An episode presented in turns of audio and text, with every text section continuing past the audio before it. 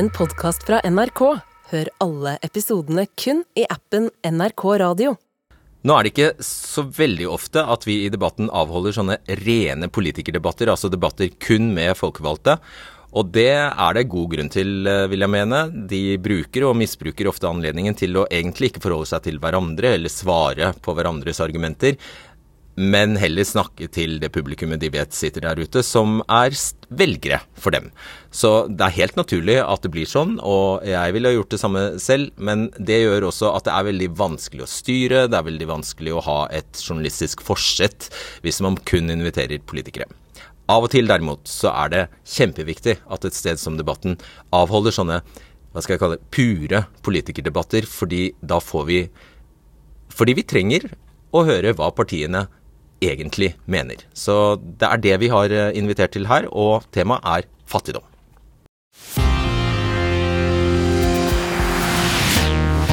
En Nav-bruker som forskningsstiftelsen Fafo har intervjuet, sier støtten fra Nav var ikke nok til å klare seg, og Nav sa at jeg burde gå på Frelsesarmeen og hente mat en gang i måneden. En annen forteller jeg er innvandrer, jeg har bodd i Norge i over 20 år og er uføretrygdet. Jeg kom til Frelsesarmeen etter at veilederen min på Nav informerte meg om at jeg kunne få mat der. Jeg var aleneforsørger for fire små barn. Og en ansatt i Frelsesarmeen sier Nav henviser til Frelsesarmeen, og kommunehelsetjenesten kommer og henter mat til sine brukere hos oss. Det er litt irriterende at ikke kommunen tar vare på sine egne selv. Det skulle ikke vært vår oppgave. Så spørsmålet er hvor går grensen for hva det frivillige skal ha ansvaret for i Velferds-Norge? Velkommen, Marte Mjøs Persen, arbeids- og sosial inkluderingsminister for Arbeiderpartiet. Mener du disse matkøene er for lange? Ja.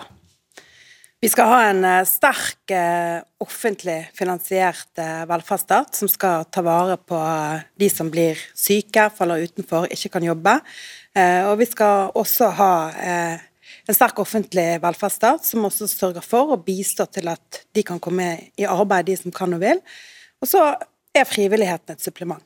Ja, men bare et supplement, så du mener per i dag så er disse køene for lange? Men det er et viktig supplement. Ja. Mimir Kristiansson, stortingsrepresentant for Rødt. Er køene for lange? Køene er for lange, og de er en fallitterklæring for velferdsstaten. Fordi at i Norge så skal du ha rett på mat, strøm, bolig og du skal ikke være avhengig av noens giverglede, gå et sted og tigge eller stå med lua i hånda for å få det. Og så blir det jo bedre for frivilligheten da, om de kan bruke tida si på andre ting, viktige ting, enn å dele ut mat til folk som er så fattige at de ikke har råd til å spise. Tror du ikke føler seg ganske viktig når de deler ut noe så viktig som mat? Jeg tror de føler seg ekstremt frustrerte. Jeg har aldri møtt noen på Frelsesarmeen som er glad for at de køene vokser. Tvert imot sier de de syns det er fortvilende at ytelsene er lave, og at så mange må gå til Frelsesarmeen. For, for... Henrik Asheim, nestleder i Høyre, samme spørsmål til deg. Ja, jeg mener også at de er for lange, og det er helt riktig at uh, vi skal i det offentlige ha et sikkerhetsnett som gjør at du, hvis du faller ut av arbeidslivet eller ikke har inntekt, så skal du få den økonomiske støtten som gjør at du kan klare deg i hverdagen. Men når det er sagt, så mener jeg at uh, frivilligheten og de tilbudene de stiller opp med, også matutlevering, er et flott tilbud. Fordi det betyr at ganske mange av de som eh, trenger litt ekstra hjelp, eller som trenger, har behov for å få litt lavere kostnader i hverdagen Så de skal holde seg med dette flotte tilbudet, bare det skal gjelde færre? Eh, altså Definitivt bør de fortsette å ha det tilbudet. For Det er et tilbud som både fanger opp f.eks. flyktninger som kommer til kommunen. Det er også slik at uh, mange av disse aktørene de har kafeer de driver som har arbeidsinkludering, men hvor de også inviterer mennesker inn for å spise gratis der i et hyggelig samvær som frivilligheten bidrar med på en helt egen måte. Kirsti Bergstø, nestleder i SV, hva er ditt svar? Er matkøene for lange? Eh, køene er altfor lange, fordi eh, det viser jo hvor mange det er som sliter med å få endene til å møtes. Og når prisene eh, øker på alt, ja, så vokser også utilstrekkeligheten i oss. Men jeg tror også at det offentlige og velferden vår har noe å lære av frivilligheten. Fordi hvis du kommer for å hente mat på matutdeling, så får du gjerne som spørsmål hvor mange er dere i familien? Hvis du kommer til Nav og velferden vår, så blir du ofte bedt om kontoutskrifter og kontroll. Eh, og en del av de som er i matkø nå, forteller jo også at de syns det er krevende å bli møtt på den måten. Det er vel fordi det er dine og mine skattepenger som skal ut? er det ikke det? Det handler jo eh, Vi kan jo eh, både tenke at vi skal bruke pengene etter å dekke folks behov, men samtidig møte folk med tillit og eh, og eh, en åpen dør. Eh, og det er jo det som trengs, det er jo et åpent og tilgjengelig Nav, der vi kan eh, få dekka de behovene vi har for trygghet, mat, eh, velferd, når det er vår tur til å slite. Mm. Katrine Kleveland, du er stortingsrepresentant for Senterpartiet. Matkøene, er de for lange? Matkøene er for lange, og frivilligheten det skal være et uh, supplement, men det er et offentlig ansvar med velferd. Det er det ikke noe tvil om, og det er et mål for vår regjering, som vil ha mindre sosiale og geografiske forskjeller. Hva skjer det da mens dere sitter i regjering? Da må jeg jo si at eh, vi har økt veldig mange ting. Vi, på, ved hvert eneste veiskille så har vi økt støtten til de som har minst. Og allikevel så ser vi at dette trengs, og da må ja, vi jobbe da, enda sterkere for nok, å få til det. Eh, Nei, jeg vil, jeg vil, si at vi jobber for å få det til bedre, og det viser vi med, med bostøtta som vi har økt. Det var eh, med en gang når vi skulle ha strømstøtte, så brukte vi bostøtta til å gi de som hadde minst, raskest eh, hjelp. Eh, frivilligheten er som sagt gull verdt, og vi heier på frivilligheten ved at de bl.a. før jul så ga vi 20 millioner ekstra til de frivillige organisasjonene, som ble omsatt i omsorg fra dag én. Men jeg går ikke med på at vi ikke gjør, gjør mye for de som har minst. Men det, er, trengs, det, det at det er et supplement fra de frivillige, det bidrar nå. Og så skal vi stå på videre hver dag for at de som har minst, får mer. Og Sylvi Listhaug, leder i Fremskrittspartiet, samme spørsmål til deg, men med et eh, tilleggsspørsmål. fordi Dere har nedfølt i deres eh, program frivilligheten skal ikke brukes av det offentlige som et eh, instrument. Betyr det at det ikke skal finnes matkøer i Frp? I et Frp-styrt Norge i det hele tatt? Altså, det vil jo være noen som kan ha behov for det, men det vi ser nå er jo at veldig mange som har greid seg helt utmerket selv, nå blir tvunget til å gå til Nav for å få dekka helt basale behov. Og Velferdsmodellen vår var jo bygd opp for at vi skulle ha et sikkerhetsnett som skulle hjelpe nettopp dem. Og jeg mener den har spilt fallitt, når vi ser at folk blir altså henvist fra Nav til matutdeling. Nav skal jo nettopp sørge for de basale behovene. Mat, tak over hodet. Det som gir trygghet i folk sitt liv. Og Det nye nå er jo også at det er mange flere grupper som, som må ty til dette. Det er studenter, det er enslige forsørgere, det er, det er eh, familier. Det er folk som aldri hadde trodd at de kom i en sånn situasjon, og som går dit med tårer i øynene og en klump i magen. Og jeg syns ikke det er verdig og, hadde nå enda vært sånn at vi ikke hadde mulighet til å løse det. Men vi har aldri tjent mer penger i Norge enn det vi gjør nå. I dag er vi vedtatt å bruke 5 milliard kroner til land i sør, som på toppen av det hele da ikke tatt avstand fra krigen. Klart vi har muligheten til å gjøre noe også for de som sliter i Norge. Det handler om politisk vilje.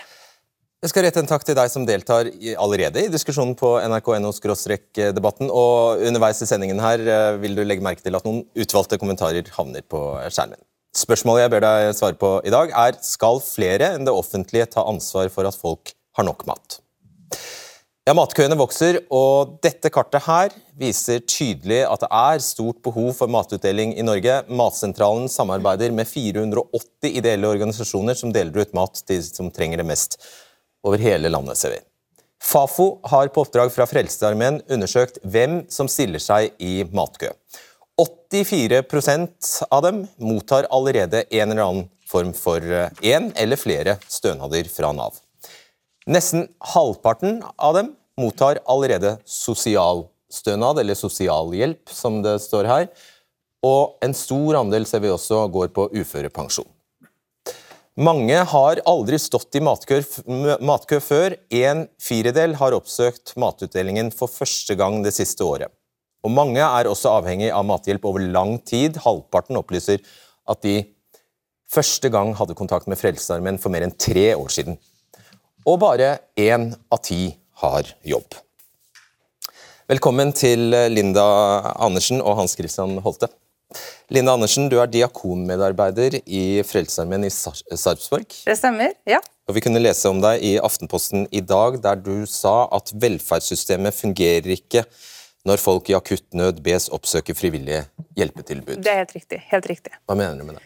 Nei, altså jeg leste jo også i Aftenposten at eh, Holte her har uttalt at eh, mennesker skal kunne komme til Nav for å få råd og støtte. Og Det syns jeg var interessant. fordi at eh, De som kommer til oss, de har allerede som regel vært på Nav og bedt om råd og støtte. Det er derfor de kommer til oss, fordi at de ikke har fått den hjelpa de trenger. Eh, og så hører vi ofte at systemet ikke fungerer, og, og, sånne ting, men jeg har lyst til å gi et lite eksempel, bare sånn at dere kan bli bevisst på, på noen av de enkelthistoriene. Eh, vi hadde en alenemor som går på AAP, som kom til oss med skikkelig skikkelig tannverk. Eh, det var såpass alvorlig at vi så at det var betent, og da kan jo gå utover andre ting også. Hun hadde da fått beskjed av Nav gå til tannlegen for et prisoverslag, og så skal vi eventuelt hjelpe deg. Problemet var at tannlegen kunne ikke gjøre noe, fordi at de måtte vente på at Nav skulle behandle saken, og det kunne ta inntil tre uker. Eh, og Det er ikke forsvarlig av oss å sende hjem en mor som skal ta ansvar for tre barn. Hun kan ikke spise, hun får ikke sove. Eh, så hva gjør vi da? Vi tenker sånn i Frelsesarmeen Hadde det vært mammaen min, hadde det vært søstera mi, hva gjør du? Selvfølgelig hjelper vi, og da tar vi den regninga. Og vi kan ikke gjøre det veldig ofte, fordi da forsvinner de pengene raskt. Men i noen tilfeller så må vi gjøre det, og det er jo og Dette var ikke et utrert eksempel. Det du beskrev her, var jo egentlig noen som blir fanget i et system, da, der den ene peker på den andre. De det er ikke helt spesielt. Nei, det er ikke spesielt. og det er på en måte, Da har man først bedt om hjelp og råd, som du sa man skulle gjøre, men ikke fått hjelp. Og da, da, kommer de til oss, og jeg opplever ofte at når de kommer og banker på døra vår, så er det kanskje siste mulighet. Hvis ikke man har et nettverk, man har ikke familie som kan hjelpe, så, så er vi der. Og Jeg vet ikke om det bare var meg som ikke oppfattet det helt uh, rett her. Frelsesarmeen tok den tannlegeregningen? Vi tok regninga, ja. fordi at, uh, ja, vi hadde ikke noe valg, rett og slett.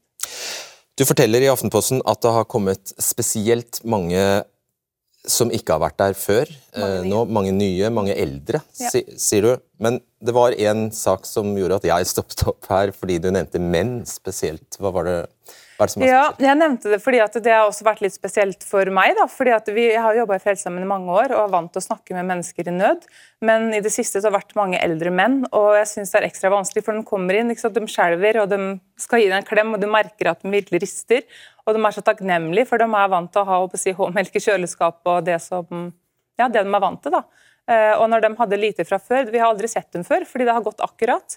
Men nå når alt har økt, og de bor kanskje i et sted der det er fellesutgifter, det går gjerne opp med 1500 i måneden av alt som dere vet har gått opp strøm og alt, så, så, de klarer seg ikke lenger. Og det som er spesielt når det kommer eldre menn, da, det er at eh, vi er ikke vant til det. Og så når du ser den reaksjonen deres, den at de er på gråten Jeg kjenner at det nesten gråter gråtesjø, for det er så vanskelig å, å møte, møte, dem da, og se at men det er klart det er jo fint for oss å kunne se den takknemligheten. Vi er jo kjempeglad for å kunne hjelpe, men det er vondt å se.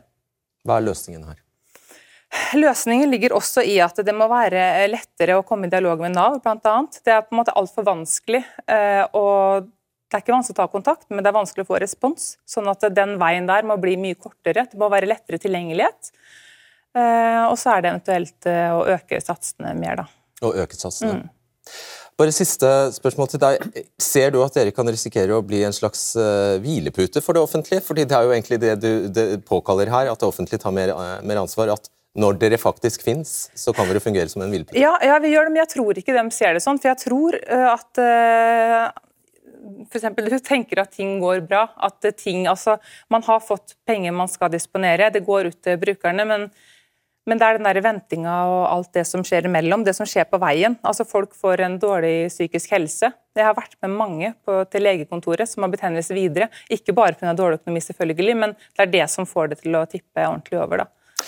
Hans Christian Holte, du er Nav-direktør. Avviser dere folk og sender dem til Frelsesarmeen? Jeg tror nok ikke det er det generelle eh, bildet. Eh, det vi også har merket i Nav veldig tydelig siden eh, også før jul, det er at det har vært et ekstra press nå i den tiden som er nå. Sånn at Det har vært stor pågang. Vi undersøkte det rett før jul, og da så vi at det var rundt 20% flere sosialsøknader f.eks. Hva mener du med det generelle? Det håper jo ingen her, at det er det generelle bildet at dere husjer folk av gårde til Frelsesarmeen. Skjer det? Nei, det, det, som kommer fram med den rapporten fra Fafo i går, som du også viste til, det er jo at uh, det er uh, personer som har blitt fulgt fra Nav til uh, Frelsesarmeen. Og det er en variasjon her, for det er også snakk om at Nav-veiledere har nevnt muligheten om å gå til Frelsesarmeen. Hvorfor gjør de det? Jeg tror det, det, må vi se nærmere på de enkelte sakene for å få presis svar på. Men det jeg vil si er at det som også politikerne har nevnt her tidligere i dag, nemlig at frivilligheten skal være supplement og ikke en erstatning, det gjelder også sånn som ja, jeg, mine vet, det, det, gjelder, det er ikke, det ikke bare gjelder det. Du, du, sendte ut en påminnelse i skriftlig form den 16. Des, desember, faktisk, i, i form av en veileder, der du understreker dette at frivillige organisasjoners arbeid er et supplement. Så det er jo med det med det i tankene at det er ekstra rart at Nav-ansatte sender folk til Frelsesarmeen? Det som er umulig å si ut fra disse eksemplene, tenker jeg, er hvorvidt det faktisk da har fungert som et supplement eller som en erstatning for en tjeneste man skal ha fra Nav. Men det som er viktig å si også, er at eh, det pekes på, på satser her. Eh, det som også ligger i sosialtjenesteloven, som de kommunalt Nav-ansatte skal eh, følge, og som jeg mener at de følger, det er at man skal gjøre en skjønnsmessig vurdering til beste for deg som kommer eh, til oss. Eh, og Da skal ikke kommunale budsjetter for eksempel, være avgjørende, eller heller de statlige veiledende satsene. Men da skal man rett og slett sørge for å gi enten sosialhjelp på lang sikt, eller økonomisk nødhjelp. Og Det vi også så rett før jul, det var at det var mange som kom og, og ønsket nødhjelp og fikk nødhjelp i den situasjonen. Du kommer jo ikke til dette studio når alt er fryd og gammen. Nav-direktør. Du kommer jo hit når det er påvist og dokumentert gjennom forskningsrapporter at det du sier nå, at de Nav-ansatte faktisk følger, eh, følger eh, de reglene du, du, nevnte nå, ikke skjer. Det er da du kommer hit. Og nå, nå sier jo Belinda her også det skjer faktisk at folk blir avvist. Ta det konkrete eksempelet. Skal vi ha det sånn at Frelsesarmeen tar tannlegeregninger? Jeg tenker at det, Sånn skal vi ikke ha det. Nei. Og det er også sånn at uh, Det som Belinda og uh, bl.a. Frelsesarmeen sier, og andre for så vidt sier om historier hvor ikke folk blir møtt godt nok hos Nav, uh, det skal vi ta på alvor og gjøre bedre, rett og slett. Bl.a. tilgjengeligheten ble undersøkt av Helsetilsynet for et års tid siden. Der har det skjedd mye, heldigvis. Og da tilgjengeligheten hos, til Nav? Til Nav, f.eks. For, for folk som har behov for akutt nødhjelp. Der ble det påpekt eh, at den var for dårlig, rett og slett, muligheten til å komme i kontakt med oss. At man ikke kommer gjennom på telefon? At, ikke, at dere ikke har åpningstider telefon, som passer? Åpningstider, ja, sånne, nettopp sånne ting. Og der, eh, der også, har jeg også lyst til å si at det er enkelte ting som går framover også i Nav, og det er et eksempel på noe som faktisk har blitt bedre i løpet av dette siste året. Så historier som eh, Belinda forteller her, det vil jeg bruke også til å jobbe med og undersøke hvordan Eh, hvordan ting fungerer i min organisasjon. Det er betryggende å høre. Er, du, er det din skyld, eller er det de lokale Nav-ansattes skyld at dere ikke i tilstrekkelig grad informerer og åpenbart heller ikke driver nok oppsøkende virksomhet overfor sårbare grupper, som dere faktisk har en plikt til å gjøre? Jeg opplever at uh, vi, har, uh, vi har alltid forbedringspunkter. Det er uh, til syvende og sist mitt ansvar. Hvem sin feil er det at det ikke skjer? vi har forbedringspunkter, og det er til syvende og sist mitt ansvar som Nav-direktør å jobbe med det. Det som ligger i f.eks. rapporten fra i går, det er at frivilligheten merker et stort press. Det gjør vi også i Nav. Eh, og vi har også, vi har også veldig stor pågang på våre sosiale tjenester og disse andre ytelsene som du viste til. Sånn at Det er jo også en høres situasjon nesten, her unnskyld, ja, men Det høres jo nesten ut som en ond sirkel. det her, fordi Det som blir beskrevet her, er jo nettopp mennesker som blir avvist i, i, avvist hos Nav, og så, så kommer til Frelsesarmeen. Så hvis det skyldes at dere har for mye å gjøre, så må jo du gå til politikerne og si nå, nå holder det ikke her. Jeg har, jeg har, lest den rapporten som kom fra Fafo i går eh, på oppdrag fra Frelsesarmeen. Eh, og de eksemplene som står der helt konkret fra, fra den situasjonen, det er altså eh, veiledere fra Nav, kommunale veiledere i Nav f.eks., som har eh, fulgt personer til Frelsesarmeen. I seg selv er ikke det feil. Det blir feil hvis vi ikke gir de tjenestene vi har også, krav på å ja, Det er flere eksempler på folk som opplever at de har, eller ikke bare opplever, de sier de har blitt avvist. De har ikke fått den hjelpen de trengte. Det står jo i rapporten. Altså min, min, eh, min, vurdering er at alle, eh, alle, saker hvor folk oppfatter at ikke de har fått de eh, tjenestene de har krav på, eller de ytelsene de har krav på, de skal, man, de skal, man, ta opp, de skal vi se på. Det, det gjør vi løpende hele tiden. Det gjør vi også når det gjelder disse sakene. Eh, og jeg, jeg, har hørt deg tidligere si at understreke dette her igjen, dette her, at det ikke skal være sånn at frivillige organisasjoner er eh, noe annet enn et supplement til det offentlige. Og dermed så regner jeg med, også med på spørsmålet, Hvis jeg stiller deg spørsmålet skal vi ha så lange matkøer i Norge, så vil svaret være Nei, Vi bør antagelig. ikke ha så lange matkøer i Norge. Det løser jo du veldig enkelt ved enten å be din, mest, eh, ja, eh, din flinkeste medarbeider til å stille seg forrest i den køen, snu ryggen, snu ryggen til døra og ansiktet mot køen og si her får dere bare mat, kom til oss, til Nav-kontoret. Der får du penger til å gå på butikken og kjøpe deg mat selv. Hvorfor gjør du ikke det? Den oppfordringen den, den, vil jeg gjerne gi her og nå. At folk skal komme til Nav og, og komme og bruke det tilbudet som de har. ja, men Du kan sende dine ansatte til den køen, eller du kan henge opp lapp på døra. Frelsesarmeens dør, og så kan ja, du si gå heller til Nav. Det som faktisk gjøres ute, da, eh, for å si det, eh, det er faktisk mye godt samarbeid mellom frivilligheten. Det kan være Frelsesarmeen, det kan være Fontenehusene, det kan være mange eksempler på hvordan vi samarbeider ute med frivilligheten. Så, så, det gjør vi faktisk i ganske stor grad. Vi går også ut, er til stede på kafeer osv. Så, videre, sånn som, så det er en viss oppsøkende virksomhet som du etterlyser. Den, den gjør vi faktisk også en god ja, Hvis det er akkurat matkøene du vil ha bukt med, gå til matkøen og fortell de som står i matkøen at de ikke trenger å stå der. Vi, vi, eh, vi, jobber som sagt eh, oppsøkende. Jeg tar med meg det rådet du har. Takk skal gratis, du ha. Ja. Eh, og vi er opptatt av rett og slett å fylle mandatet vårt og gjøre den jobben vi skal gjøre. Og vi har et bredt spekter av oppgaver. Det blir spennende. Takk skal du ha, Hans Christian Holte og Belinda Andersen. Tusen takk skal dere ha.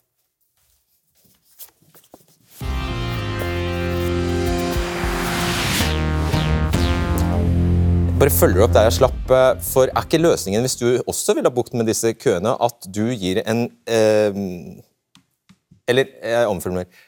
Mener du at Frelsesarmeen, fordi du ikke vil ha disse lange køene, helst burde ha avvist folk i døra og bedt dem snu og heller gå over til Nav-kontoret?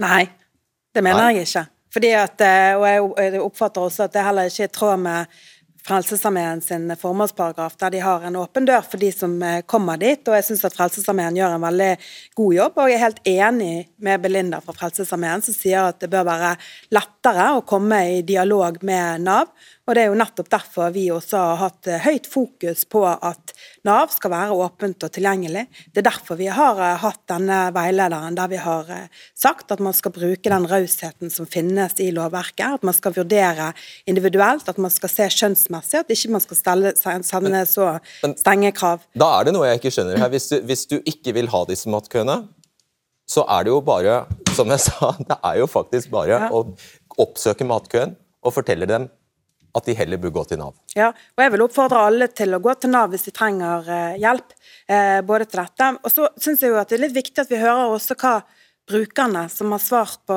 i denne rapporten, sier sjøl uh, om dette, og hvilke brukergrupper dette er. Sånn, det ene de sier, er jo at de kommer til Frelsesarmeen fordi at de ikke har nok mat å spise. At de rett og slett ikke har råd til det. Og Det andre de sier, er jo at de, mange har brukt mattilbudet over tid. Og det tredje de sier, er at noen i lange perioder ikke har et behov fordi at noen i husholdningen har vært i, i arbeid. Og så er det jo sånn da at eh, Om lag halvparten av disse, ja, den brukergruppen som du har, de bor sammen med barn. Eh, det er familier vi snakker om her. Det kan være enslige forsørgere, men det kan også være eh, familier eh, med to foreldre. Og så er det to av tre av de er født i Norge. Og det sier meg at eh, Nei, omvendt to av tre er ikke født Ikke født i Norge, selvfølgelig, eh, Fredrik. To av tre er ikke født i Norge. Og det sier meg at eh, både mange av de tiltakene som regjeringen, da, sammen med SV i budsjettet, som nettopp handler om å rette inn innsatsen mot barnefamilier, med å øke barnetilleggene på trygdene, med å øke barnetrygden for enslige forsørgere, vie ut velferdsstaten sånn at man eh, får billigere barnehage, mer gratis SFO, eh, ha fokus på barnefamiliers kår i velferdsstaten. Det er veldig viktig. Og så må vi ha fokus på integreringspolitikken, både på kort og lang sikt. Ja. Kristiansson først. Altså, Hvorfor er det folk står i matkø? De står i matkø fordi de er fattige, de mangler penger. Den enkleste måten å få de ut av den matkøen på, er å gi de penger. Og altså, I den matkøen så har jo 70% allerede fått en ytelse fra Nav og likevel må de gå og tigge mat. I Norge er det sånn i dag at du kan bli fattig bare fordi du blir syk. Du kan bli fattig bare fordi du blir gammel, og du kan bli fattig bare fordi du blir alene med barn. Det er ganske vanlig, alle de tre tingene. Og vi kan løse det problemet på Stortinget på mandag, hvis de partiene her er enige om å øke minstepensjonene, øke minste AAP, øke minste uføretrygd, øke barnetrygdene. Det koster penger. Det er krevende fordi vi må prioritere noe, ned noe annet. Det ødelegger lønnsoppgjørene, det ødelegger den norske modellen. Men vi får ut de folka fra matkøen, og vi sørger for at de har mat nok til å klare seg sjøl uten å gå til Frelsesarmeen. Hele poenget her er jo, som statsråden også er inne på, at dette er jo en ganske sammensatt gruppe, men det er mange som har innvandrerbakgrunn, det er mange som har forsørgeransvar. Og da er spørsmålet, Hva gjør man da med de ordningene som vi har? Det er ganske frustrerende som politiker egentlig å høre at mennesker ikke går til Nav for å få den hjelpen, eller ikke får den hjelpen de har krav på. For dette er noe alle partiene er enige om, at de skal ha både økonomisk nødhjelp og sosialhjelp. Men så er det jo slik at vi har for valgt å foreslå å øke barnetrygden, fordi vi ser at mange med forsørgeransvar, det er de som nå har utfordringer. Samtidig som vi ser at når så mange av de som mottar sosialhjelp, når så mange av de som er en del av fattigdomsstatistikken og som står i disse køene, har innvandrerbakgrunn, så er det ikke bare å øke alle ytelsene, men det handler også om hvilke integreringstiltak vi gjør. Hvordan sørger vi for at de får mulighet til å komme i arbeid. Er det greit at de er fattige bare fordi de er innvandrere? Nei, nei, det er ikke en bortforklaring eller en unnskyldning, men det er en veldig viktig faktaopplysning å ha med seg. fordi det betyr hvilke tiltak vi setter inn, handler jo om hvem vi skal hjelpe. Og Hvis det f.eks. er flyktninger som kommer til Norge uten mer enn grunnskoleutdanning, ikke kan språket, så er jo det verktøyet de trenger for å få inntekt, komme av de ytelsene, og bli godt integrert, lære språket og få en jobb. Det tar tid, da. Absolutt. Ja, og Det viser jo at vi har en integreringsutfordring når 40 av disse kommer fra Afrika og Asia, og det må tas på alvor og gjøre en ordentlig jobb med det. Men så bare øke ytelsene. Gjør enda flere mer avhengig av offentlige ytelser. Er ikke mer avhengig av å få mer i pensjon. Du er akkurat like avhengig av pensjon, men du har mer penger. Fremskrittspartiet mener det er helt feil vei å gå. Det vi burde gjøre det var å halvere matmomsen. Det var å innføre makspris på strøm. Det var å fjerne drivstoffavgiftene, som ville betydd at flere av disse beholdt pengene sine og kunne greie seg, istedenfor å endre disse køene. Og Det har vi foreslått en rekke ganger, for problemet ditt er at det er mange av disse her Har vi stemt for eller mot den maksprisen til strøm, Sylvi? Det er mange av disse her som ikke mottar ytelser. Det er folk som er i jobb, ja, som ikke greier seg. Og de vil ikke hjelpe, bli hjulpet med, med, din ordning. og Det er derfor vi må gjøre noe med avgiftene, for det vil treffe alle som sliter nå. Enten de er i jobb eller de er i ytelser. Det er et uh, argument som går igjen, og som har blitt en sånn mantra i denne uh, diskusjonen, det er at det skal lønne seg å jobbe. Uh, og det mantraet er jo med på å holde ytelsene nede. Eh, fordi de store partiene har i veldig lang tid vært mer redd for at noen skulle få litt for mye i trygd, enn at folk skal leve i fattigdom og vokse rart, opp i fattigdom. Og det er jo den her misforståtte arbeidslinja som er ei fattigdomsfelle. Fordi det gjør jo ikke at syke folk får lettere øh, å komme i arbeid, det gjør jo bare at syke folk blir fattige. Og det er jo derfor vi er nødt til å faktisk øh, øke ytelsene, for det er bare én ting som gjør at folk som har lite, kan få mer å leve av og slutte å være fattig, og det er jo øh, at man får mer penger. Folk er nødt til å klare seg sjøl. Sånn kan matkøene reduseres, og sånn kan fattigdom og forskjeller bekjempes. Da må man ha ytelser man kan leve av. Hvor mye høyere eh, enn minstelønn mener du laveste ytelse bør kunne være? Spørsmålet er jo eh, eh, Nå kan man ikke si hvor mye skal ytelsene og minstelønna være opp mot hverandre. Spørsmålet er hvor mye trenger man å leve av. Når vi har en sosialhjelp som ikke det er mulig å klare seg på, når folk som er minstepensjonister og enslige må søke om sosialhjelp i tillegg, ja da er man nødt til å øke ytelsene, og det er jo det vi tar til orde for. Ja, jeg er veldig glad deg, hvor, hvor mye mener du det er rimelig å øke disse ytelsene før det overhodet ikke lønner seg å jobbe? Poenget er jo at pensjonister ikke jobber. At syke folk ikke har arbeid som alternativ. Eh, og det er jo der vi er nødt til å sørge for at man kan ha et verdig liv, eh, og, og faktisk klare seg for det som er meninga at man skal klare seg på når man er sosialklient eller syk eller utenfor arbeidslivet. Men det er uaktuell eh, regjeringspolitikk og senterpartipolitikk å øke ytelsene? Det nei, jeg, nei, det er jo helt feil. Fordi at, feil. Eh, fordi at ved ethvert veiskille som har vært, så har jo vi økt ytelsene. Vi har økt bostøtte, vi har økt sosialhjelp, vi har, eh, vi har gratis SFO, vi nå øker vi barnetrygden. Også i samarbeid med, med SV i budsjettforhandlingene. Så så har, har vi jo gitt, gitt mer til de som, har, de som har minst. Og det er jo målet vårt. At vi skal, som jeg sa i sted, at vi skal ha mindre geografiske og sosiale forskjeller. Og det jobber vi for hver dag.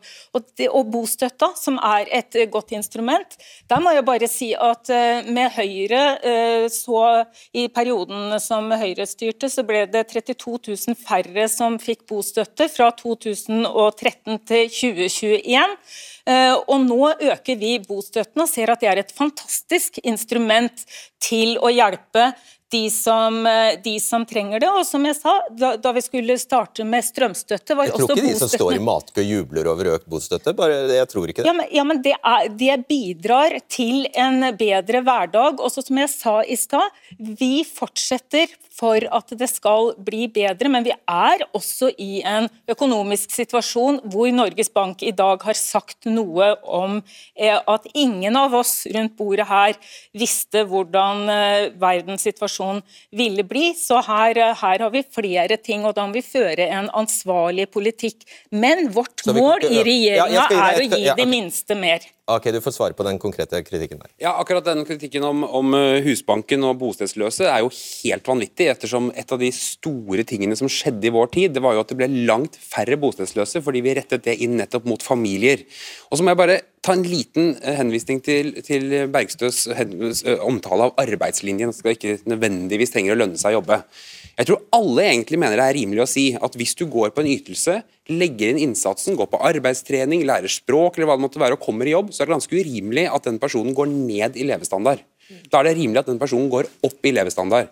Og så er det slik at Samtidig som vi selvfølgelig skal ha skikkelige ytelser for de som ikke kan jobbe, så må vi ha noen insentiver for at det lønner seg bedre å jobbe. Og Det kan du også gjøre for gjennom inntektsskatten, som kan senkes for de som er i jobb. Og så må du Også, som politiker kanskje jobbe for at de laveste minstelønnene er noe annet enn uanstendig lave og ikke mulig å eh, klare seg på. Kanskje du bør starte i den enden? Ja, men det er litt krevende med de trepartssamarbeidene som vi har nå, at vi skal begynne å mene noe om hva som skal være lønnsoppgjørene fremover. Men vi kan gjøre mye annet for å sørge for Så det da kan du som politiker ikke gjøre noe med det? Jo, men Det vi kan gjøre, det er å sørge for for det, Noe jeg aldri hører fra verken SV eller Rødt, det er forslag på hvordan man kan hjelpe flere til å komme i jobb, få en da må inntekt og være, du være selvforsynt. Det er veldig mye omtale av ytelser og nivå på dem, men det er aldri noen forslag på hvordan kan du sørge for at flere kommer i jobb. Vi foreslo flere tiltaksplasser, dere Det er stemte med- det imot. Nei, nei, vi stemte for det. Henrik, Kristiansen- så slutt å tulle med det. svare- får svare. Jo, men, men hør nå, nå er denne debatten her, tror jeg, Hvis du sitter hjemme og er fattig og ser på den debatten, så tror jeg du blir forbanna. For nå er vi akkurat i gang der politikere vanligvis er.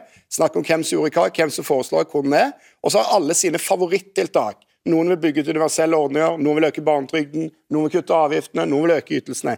Men kan ikke vi invitere til et bredt kriseforlik i Stortinget? Kan ikke statsministeren plukke opp telefonen, kalle inn de parlamentariske lederne, møte oss på Stortinget, og så blir vi enige om en eller annen pakke der folk får litt det de vil, hver sin løsning. De fattige bryr Sånn som en seg jo ikke. Ukraina-pakke? For eksempel, som eller sånn som de mange koronapakkene som vi har hatt i det hele tida. Jo, men hør ferdig.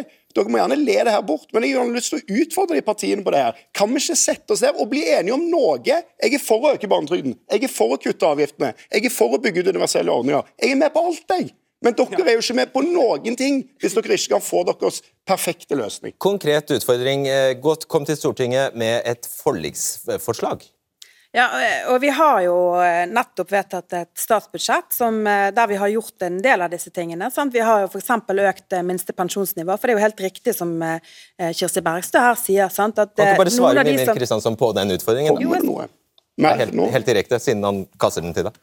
Ja, men det er jo gjennom statsbudsjettene vi styrer Ja. også velferden her. Og det og Det betyr og at det ikke kommer noe mer før eh, juni-juli.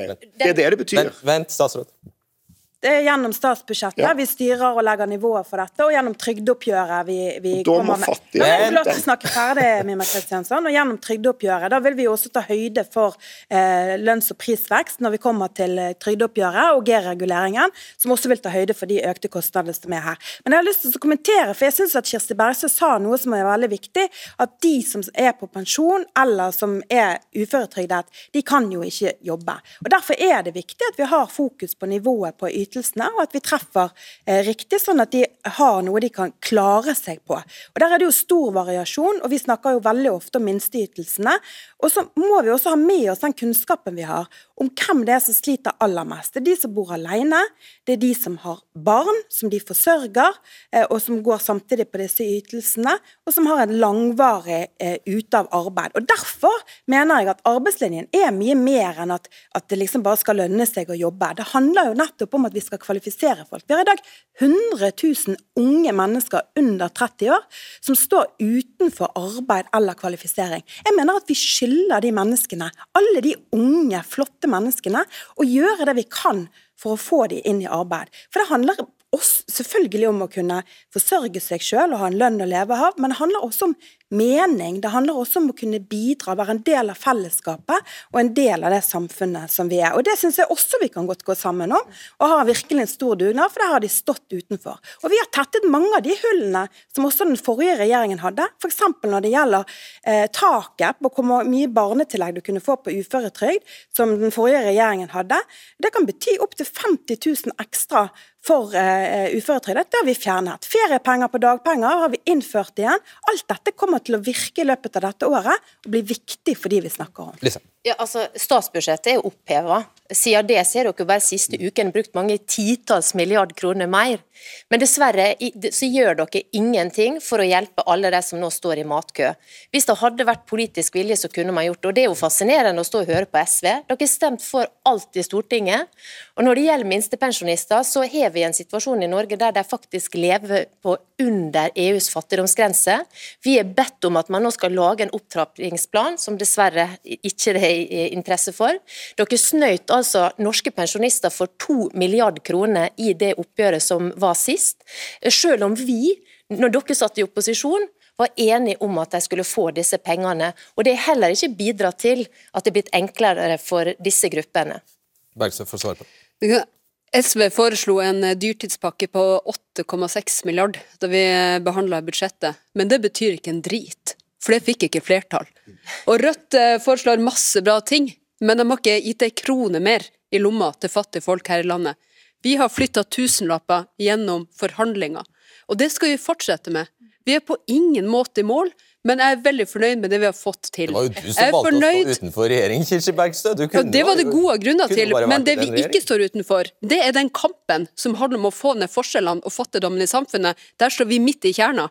Og det er jo derfor vi har klart å få til nettopp styrking av velferden, en bevegelse i minstepensjon, mer i barnetrygd, fordi at det er så viktig at vi er inne knallhardt i forhandlinger, og at vi beholder et flertall som faktisk har som mål å bekjempe forskjeller og fattigdom i dette landet. Det er jo gjennom flertall for å styrke velferden, styrke fellesskapene, og også øke ytelsene til folk. Du sier både at det dere foreslår i SV betyr ikke en dritt, Fordi det ikke har flertall. Og så sa du nå det vi får til sammen Nei. med regjeringa, betyr veldig Nei, mye. Fordi sa, sa det, jeg sier, det jeg sier, er at uh, fantasiforslag som ikke har flertall, det betyr ingenting, fordi det ikke hjelper folk sin hverdag. Og den eneste grunnen til at vi sitter og forhandler natt etter natt når det må til, det er for å få flytta de pengene over eh, til folks lomme, mm. over i inntektene. Vi trenger økonomisk omfordeling i dette landet, der vi tar ned kjøpekrafta på toppen, rikingene som de her forsvarer, og styrker vanlige folk sin inntekt.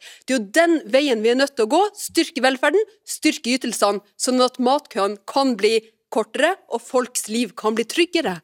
Altså. For det første så har ikke jeg tenkt å unnskylde at vi også har en politikk for at det skapes noen jobber i dette landet. Det betyr både at folk kan komme i arbeid, det betyr også at det kan skapes verdier. Så det har jeg ikke tenkt å unnskylde i det hele tatt. Men det andre det er at jeg syns det er slående at vi i Norge ikke snakker mer om det faktum at vi har langt flere utenfor arbeidslivet enn det sammenlignbare land har. At vi har langt flere uføretrygdede f.eks. enn det Sverige har. Og Da er det noe med systemet vårt som gjør at mennesker som egentlig har mulighet til å jobbe, ønsker å jobbe, blir skjøvet ut av det systemet. Og Det er derfor jeg sier at jeg savner de tiltakene og forslagene som faktisk innebærer at flere av de som i dag får ytelser, blir uavhengig av de ytelsene og kommer i jobb, får en lønn å leve av selv. Det må jo være den fremste Nei, men vi kan ikke da si at alle de som ikke kan jobbe, er så syke at ikke de kan jobbe. De har jo fått uføretrygden fordi de er syke. Ja, og så er det altså slik at selv om du er uføretrygdet, ut, så kan du enten få mulighet til å være på aktivitet, få mulighet til å lære litt, og du kan også komme tilbake i jobb. Og Det har vi sett eksempler på den siste tiden, at det er mulig å komme tilbake i jobb. Men da må du møtes med aktivitet og muligheter, ikke med en sånn 'vi er ferdig med deg', vi trenger ikke å snakke mer om det. Og Der kommer konkrete forslag. Du nevnte tiltaksplasser. Helt stikk i strid med det du sa i stad. Rødt foreslo å øke antall tiltaksplasser. SV òg, for øvrig, som må følge litt bedre med. Det ble ikke vedtatt, da. Nei, men i likhet med din politikk ble det ikke vedtatt, nei. Men det viktigste vi kan gjøre, da, det er å slutte å straffe uføre og trygda folk hvis de klarer å jobbe litt ved siden av. I dag har vi et latterlig lavt fribeløp som gjør at hvis du tjener mer enn 40 000 ved siden av en uføretrygd, så lønner det seg ikke lenger å jobbe. Vi har masse latterlige avkortingsregler, for vi har vært livredde for at trygda folk skal få en krone for mye. Så vi har lagd masse regler som gjør at hvis du får en bitte liten biinntekt, så straffes du for det. Så det skal lønne seg å jobbe, men ikke for de trygda. Men så vil jeg bare si en ting til det Martin Mjøs Persen sa i stad. Det er jo selvfølgelig sant at i vanlige tider så styres politikken i landet gjennom statsbudsjettene. Men statsbudsjettet kommer altså til høsten. Trygdeoppgjøret kommer i mai, og den trygda den får du ikke på konto før i juni. Revidert nasjonalbudsjett, de pengene får du ikke før i juli. Så da spør jo jeg, da.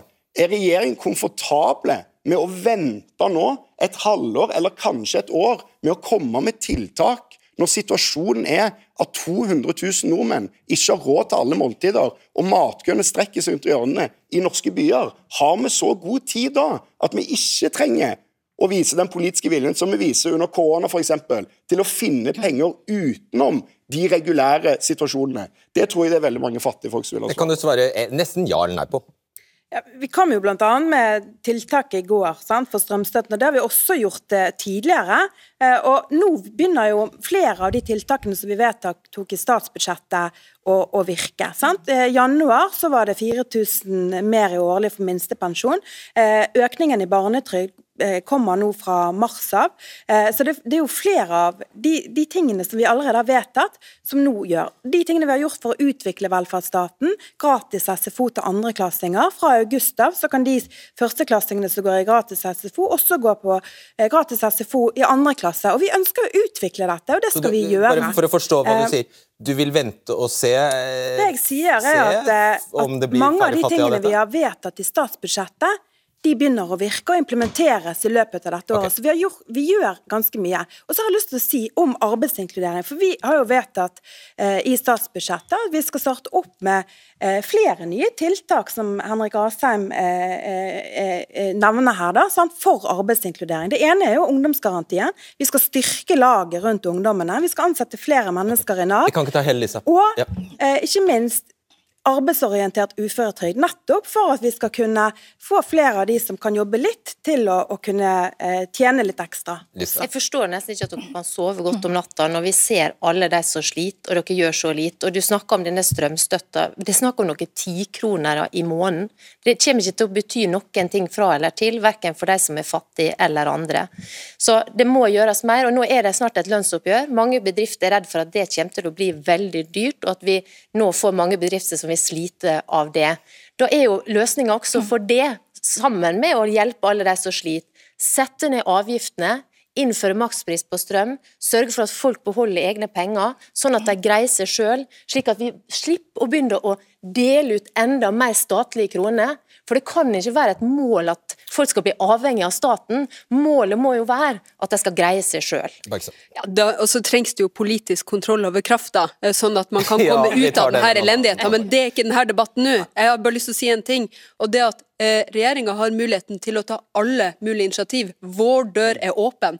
Vår invitasjon, den er klar. Vi, er, eh, eh vi, har, vi har, vår egen dyrtidspakke på 8,6 milliarder fra, fra, budsjettet. Vi er med på alle mulige saksforslag. Eh, så, så det er vi gjerne med på. Men vi er også med på å skrote arbeidslinja til fordel for en aktivitetslinje. Fordi, fordi, hvis folk får tett og individuell oppfølging, hvis folk opplever å bli trodd på eh, og få et godt møte eh, med, eh, med, velferden, ja, så ønsker jo vi også Det er Nav som skal gjøre dette, du sier? Ja, ja, jeg har jo selv jobb, jeg har vært så heldig at jeg har jobba i Nav. Nav. å ta unna for matkøen en gang. Jo, men det er ikke akkurat, det er ikke alltid de samme folka. Og jeg har vært så heldig at jeg har jobba i Nav. Jeg har fått jobba på den måten som gjør at folk eh, våger å komme ut i aktivitet eh, hvis at man sliter. Så det er jo fullt mulig.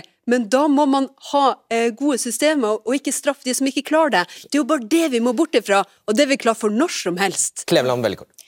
Tusen takk. Eh, jeg blir berørt av Fafo-rapporten. Men vi må ha tillit til Nav, og samtidig så ønsker jeg at Belinda og de andre i frivilligheten skal få bruke kreftene sine på annet enn å dele ut mat.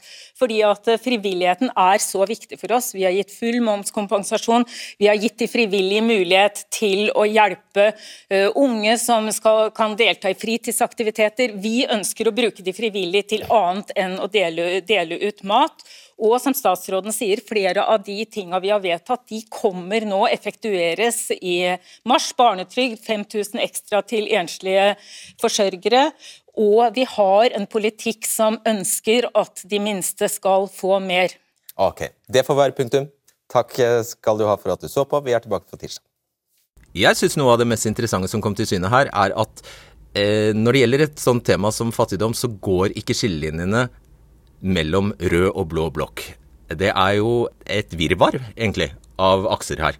Det syns jeg er fascinerende, ikke bare i fattigdomsspørsmålet, men i flere saker som er veldig aktuelle om dagen. F.eks. strøm, som ble nevnt her. Men det kommer altså til syne på et tema som eh, trygder og fattigdom. Så det er bare å merke seg at sånn er det, og derfor så føler jeg at dette ga mening. Vi fikk fram det. Og så har jeg en innvending mot det som skjer her, det, og det visste jeg ville skje, det var forutsigbart, at de kaster ut altså jeg tror det var 100 ytelser som ble nevnt til slutt. Altså hvis man summerer opp alle ytelsene og alle ordningene som blir flaks gjennom rommet. Eh, og det blir veldig vanskelig å følge med på, selvfølgelig. Hensikten er jo selvfølgelig bare å fortelle at de gjør mye, eller de foreslår mye. Og så er det vel vår oppgave som lyttere og seere og velgere å bare gjøre oss opp en mening om hvem vi syns er mest troverdige når det kommer til stykket. Jeg tror jeg kan benytte anledningen her også til å eh, fortelle at om en stund, jeg er ikke helt sikker på når, så kommer du kun til å kunne høre debatten som podkast på NRK i NRK radio. Det er ikke en beslutning jeg har tatt overhodet. Det er eh, noen i høyere skylag i NRK-ledelsen som har bestemt det. Så da vil du ikke kunne høre oss på podkast-appen eller på Spotify eller hvor, uh, hvor, som helst ellers annet enn i radio, NRK radio-appen. Så da regner jeg med at det er NRKs håp at du skal finne fram den appen og lete fram debatten. Det håper jo jeg også, selvfølgelig. Ok, jeg lar det være med det. Ha det bra. Du har hørt en podkast fra NRK. Hør alle episodene kun i appen NRK Radio.